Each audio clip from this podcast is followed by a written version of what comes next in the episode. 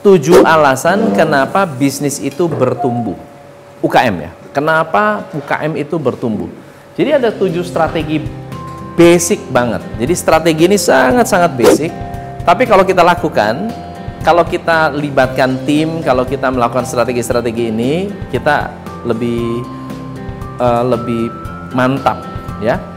Strategi yang pertama adalah selalu melibatkan tim untuk perkembangan bisnis kita. Jadi, apa yang tadi kita bahas, kalau bisa dalam skala yang lebih besar, libatkan tim.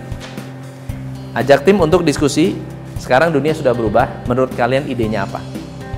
Ketika mereka menyampaikan ide-ide, mau disampai mau dikerjakan atau mau tidak dikerjakan, mereka sudah merasa didengar. Kalau mereka merasa didengar, apalagi mereka merasa menyampaikan pendapat, mereka merasa pendapat itu adalah milik mereka. Kalau tereksekusi, kita kasih reward sama mereka. Nggak usah reward duit, acknowledge. Tahu nggak ide ini? Ide ini adalah idenya si Nuni loh. Thank you Nuni. Idemu luar biasa. Ya, kirim ke WA. So, involvement, engagement itu penting. Strategi yang kedua, kalau mau analisa jangan dari laporan keuangan. Analisa bisnis itu dari laporan customer. Dari bawah ke atas, bukan dari atas ke bawah. Kebanyakan kalau kita kan dari atas, lihat laporan keuangan, omset nggak nyampe, tekan ke bawah. Mestinya customer maunya apa? Yang profitable apa buat kita? Itu kita berikan. Analisa bisnis kita dari sisi atau dari kacamata customer. Bisa nggak kita brainstorming bareng customer untuk mengetahui apa sih yang dia suka, apa yang dia tidak suka dari Star Studio? Analisa. Yang ketiga adalah kita punya kompetitor nggak? Punya kompetitor? Bersyukurlah kita masih punya kompetitor. Berarti kita punya benchmark.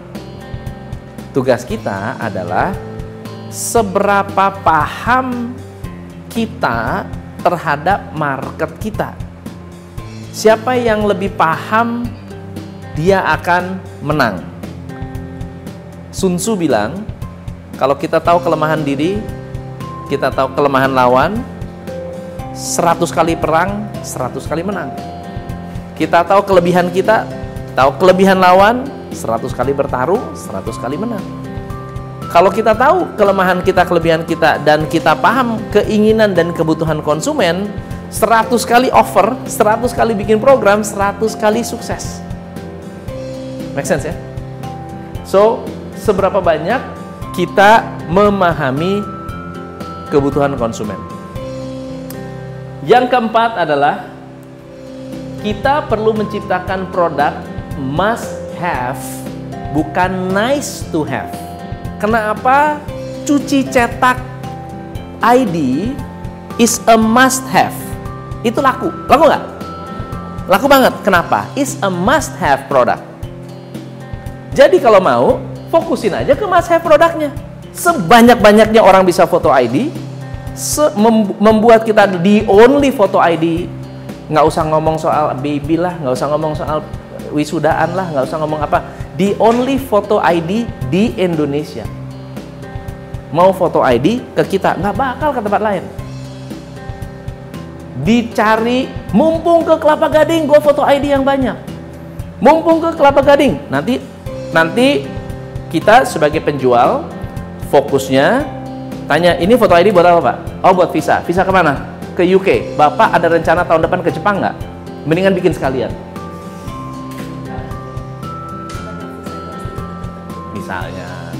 bukanya kita mesti tanya dong ini ada rencana muka berubah nggak? Ada planning nggak muka berubah? Oh iya saya mau tarik benang ini oh oh oh beri jangan tahun depan aja ya. Tapi kalau ada rencana dalam waktu dekat mau ke luar negeri lagi mau sekalian apa enggak ya karena bentuknya berbeda ukurannya berbeda. Daripada ibu bolak-balik. Upsellingnya seperti itu. Bukan upselling foto ID mau foto baby sekalian nggak? Ini nggak ada hubungan kesannya, betul ya? Unless kita memang ahli di satu bidang itu. Masuk akal nggak ya? Nah, oke lanjut ya. A must have bukan nice to have. Must have artinya pokok, kebutuhan pokok, bukan sesuatu yang sifatnya kebutuhan lux. Yang kelima, coba deh jujur dengan kelemahan kita. Ya, kalau di dunia sana, bisnis yang ber, berkembang, bisnis yang maju, bisnis yang sukses, mereka betul-betul open dengan kritik betul-betul open dengan kritik dan tidak takut dikritik, nggak malu dikritik, suka dengan kritik. Dan kritik itu adalah bentuk kejujuran yang paling jujur. Jadi kalau ada haters yang bilang video lu jelek, itu kejujuran yang paling jujur. Dibandingkan oh bagus bagus bagus tapi basically nggak nggak suka. Mendingan bilang video jelek, berarti kita punya kesempatan untuk improve, bukan sakit hati bukan defensif. Ya, be honest about our weaknesses. Yang keenam, cari mentor. Mentor itu adalah bisa berbagai macam. Bisa seorang yang udah punya pengalaman, bisa konsultan, bisa kompetitor. Kadang-kadang kita perlu juga tuh temenan sama kompetitor, tapi tanpa sadar sebetulnya kita menjadikan dia sebagai seorang mentor buat kita.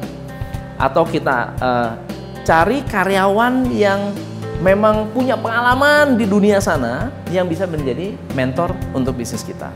So, ini semua adalah alternatif-alternatif untuk menjadikan memiliki mentor di dalam bisnis. But uh, mentor adalah mandatory dalam bisnis. Mandatory karena bisnis kita nggak pernah bisa berkembang kalau kita nggak bisa mendapatkan feedback dari orang lain. Yang terakhir, justify every cost in your business plan. Artinya apa? Setiap mau keluar duit, bahkan semua uang yang pernah kita keluarkan, kita harus cek berapa banyak returnnya. Saya keluar uang buat imam. Ada return nggak buat dia nih? Saya dapat return nggak? berapa banyak return? Saya keluar duit buat Rudi. Gaji nih tiap bulan. Ada returnnya nggak? Minta mobil.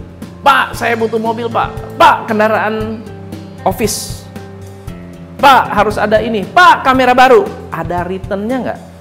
Kenapa? Karena kita punya tanggung jawab ada empat rahasia yaitu salah satunya efisiensi ya leadership product quality uh, apa cost efficiency. Yang penting itu salah satunya adalah cost efficiency dan cash flow. Ya karena mempengaruhi efisiensi dan cash flow. So ini adalah tujuh poin penting karena apa bisnis bisa hebat kenapa bisnis bisa berkembang. Dan anda bisa adopsi ini uh, step by step bisa jadikan ini sebagai sebuah strategi. Siapa yang belajar sesuatu hari ini saya yes hanya di Top Coach Indonesia